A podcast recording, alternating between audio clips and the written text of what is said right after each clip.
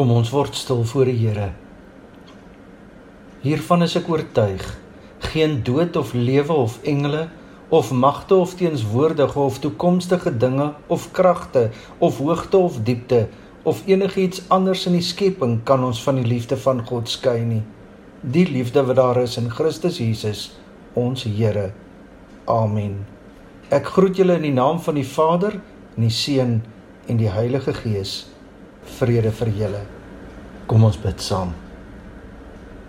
Here baie dankie vir 'n wonderlike geleentheid om in U naam by mekaar te mag wees. Al is ons ver van mekaar af, U is hier by ons.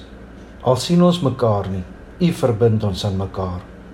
Dankie waar U sê dat waar twee of meer in U naam by mekaar is, daar is U ook.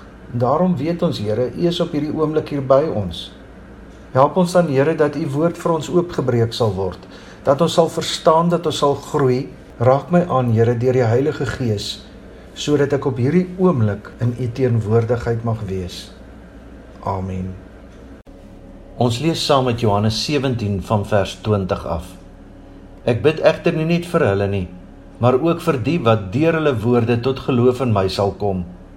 Ek bid dat hulle almal een mag wees net soos u Vader in my is en ek in u dat hulle ook in ons mag wees sodat die wêreld kan glo dat u my gestuur het. Die heerlikheid wat u my gegee het het ek ook aan hulle gegee sodat hulle een kan wees net soos ons een is. Ek in hulle en u in my sodat hulle volkome een kan wees sodat die wêreld kan weet dat u my gestuur het en hulle liefhet net soos u my liefhet Vader, ek wil graag hê dat waar ek is, hulle wat U my gegee het ook by my moet wees, sodat hulle my heerlikheid kan sien, die heerlikheid wat U my gegee het omdat U my al voor die skepping van die wêreld liefgehad het. Regverdige Vader, die wêreld ken U nie, maar ek ken U en hulle hier weet dat U my gestuur het.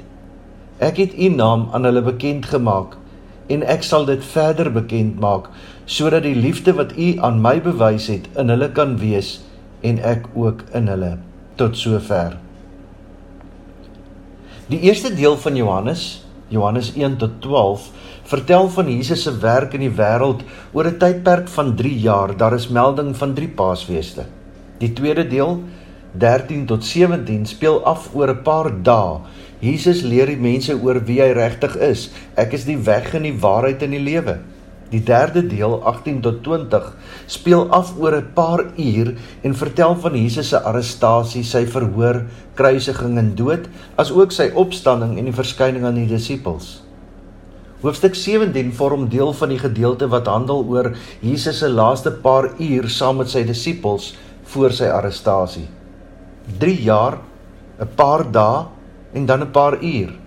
Maar dit is nie net die tyd wat soos 'n sirkel nouer trek nie, die emosies en intimiteit trek ook in 'n sirkel nouer. Jesus praat eers van die wêreld, Johannes 3 vers 16, want so lief het God die wêreld gehad en daarna sy volgelinge en daarna sy disippels en daarna met God die Vader. En hier in Johannes 17 praat Jesus nie meer met sy disippels nie, maar met God die Vader. Jesus praat met Vader oor die disippels. Johannes 17 is 'n gebed wat Jesus vir sy disippels, sy naby volgelinge bid. Hoe lyk Jesus se gebed? In vers 1 tot 5 praat Jesus met God die Vader en vertel dat sy werk afgehandel is en dat hy gereed is om terug te keer na sy Vader. In vers 6 tot 19 vertel Jesus van die gelowiges wat die boodskap aanvaar het en bid dan vir hulle behoeftes en beskerming. In vers 20 tot 23 bid Jesus dan vir al die mense wat nog tot geloof gaan kom en bid dan vir hulle eenheid. En in vers 24 tot 26 bid Jesus dat alle gelowiges die heerlikheid sal beleef waarheen hy nou op pad is. Johannes gee vir ons 'n aangrypende kyk in Jesus se hart.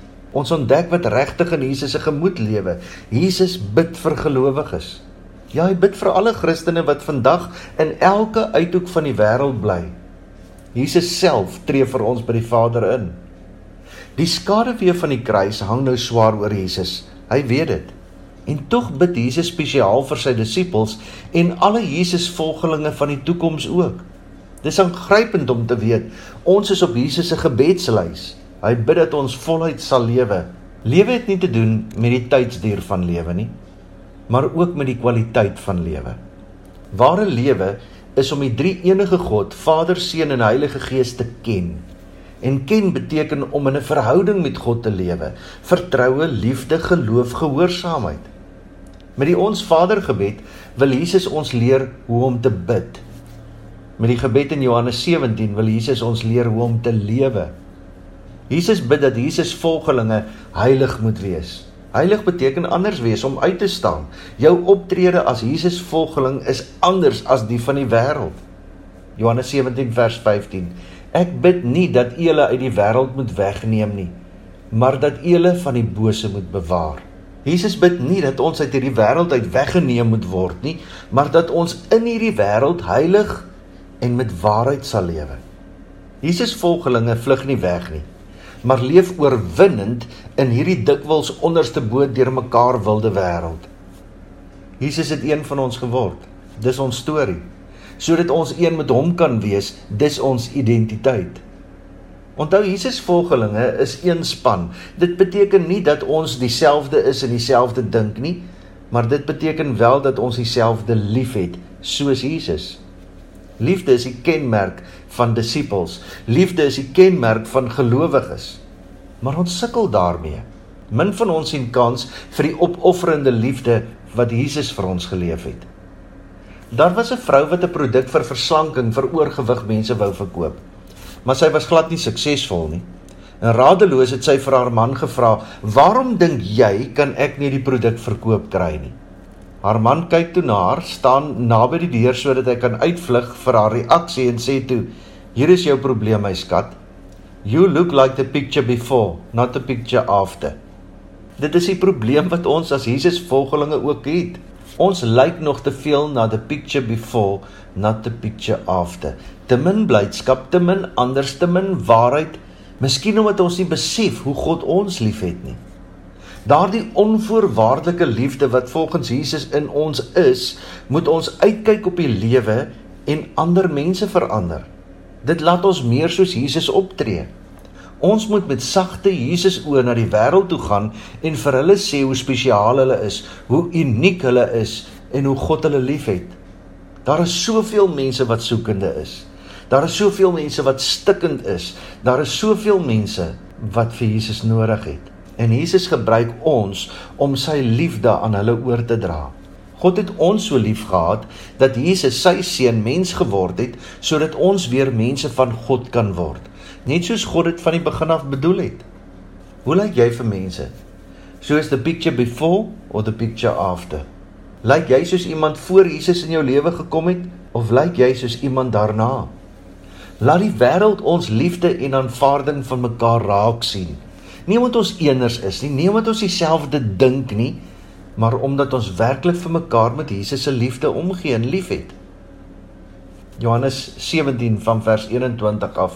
Ek bid dat hulle almal een mag wees, net soos U Vader in my is en ek in U, dat hulle ook in ons mag wees, sodat die wêreld kan glo dat U my gestuur het. Die heerlikheid wat U my gegee het, het ek ook aan hulle gegee, sodat hulle een kan wees net soos ons een is ek en hulle en u en my sodat hulle volkome kan wees sodat die wêreld kan weet dat u my gestuur het en hulle liefhet net soos u my liefhet. Ons moet een wees. Ons moet God se liefde uitleef. Ons moet een wees in sy liefde sodat die wêreld kan weet en sodat die wêreld kan glo. Amen. Ons vra elke sonderdag vir 'n virtuele kollekte. Gaan asseblief na www.ngpongola.com Daar kan jy met SnapScan of met EFT 'n bydrae maak. Baie dankie vir jou ondersteuning. Die Here sal julle seën en julle beskerm. Die Here sal tot julle redding verskyn en julle genadig wees. Die Here sal julle gebede verhoor en aan julle vrede gee. Amen.